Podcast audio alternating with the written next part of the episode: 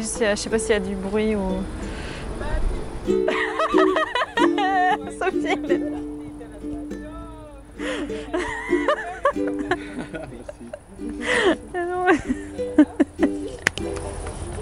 Non Lise. Lise, Robert et Jean. Robert et Jean. ok. Euh, la première et seule question est quand vous avez un conseil en trois mots pour le monde entier, que diriez-vous Euh, donc je répondrais euh, au monde entier Chase your dreams. Euh, pour moi, c'est super important, de manière générale, de toujours croire en ses rêves et de poursuivre ses rêves. C'est le plus important, je pense. Et quoi qu'il arrive, même si la vie parfois est difficile ou qu'il y a des étapes compliquées, c'est toujours super important de toujours y croire et de, d'aller jusqu'au bout des choses et de, de- de croire en ses rêves. Voilà.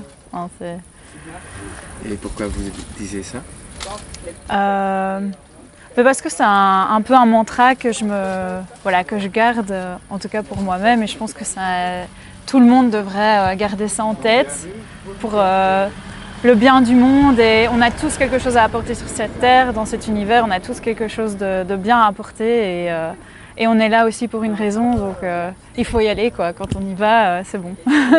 Est-ce qu'il y a euh, un moment dans votre vie, vous avez des difficultés pour to chase your dreams? Oui, ben, bien sûr, je pense que c'est jamais, la vie n'est pas toujours facile. Et justement, en fait, quand il y a des étapes difficiles, il faut savoir rebondir dessus, justement, me- transformer des, des contraintes en, en- Justement, on peut toujours transformer des contraintes en bonnes choses aussi.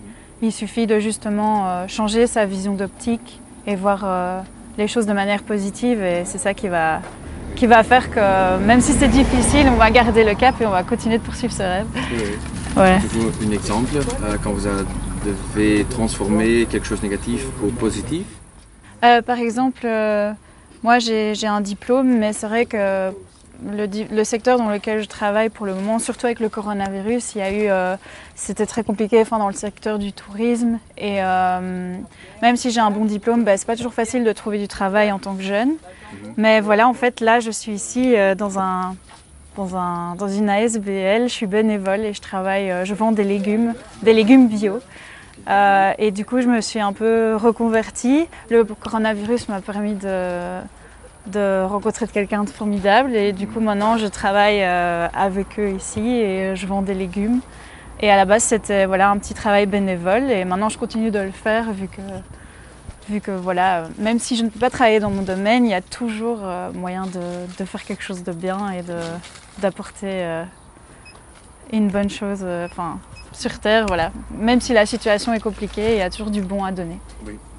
Et même si c'est compliqué. Parce que moi, quand j'étais plus jeune, j'avais tendance à, dès qu'il y avait des contraintes, j'avais peur.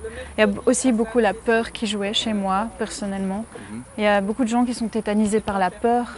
Alors que non, il faut, faut juste oser, il faut ne pas avoir peur de demander, d'oser faire les choses, d'agir. Et euh, je pense que c'est le plus important. euh, même quand il faut se lancer, il faut y aller. Voilà. Quel moment vous avez peur Hmm. Bah, c'est tout simple. J'av- J'avais 18 ans et je suis partie euh, voyager en fait pour apprendre les langues et euh, je me suis retrouvée toute seule à pas parler la langue dans un pays que, enfin voilà, je parlais pas du tout l'espagnol, mais même pas un mot. Et je suis arrivée là-bas et j'ai dû me débrouiller toute seule et apprendre, etc.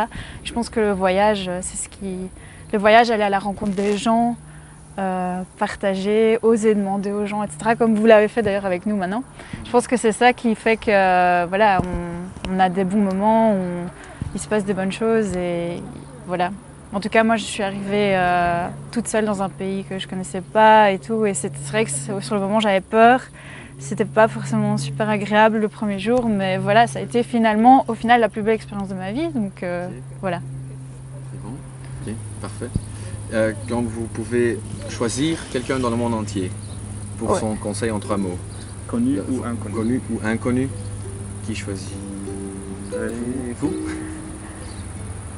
un, un héros ou une héroïne euh, Je choisirais Mana,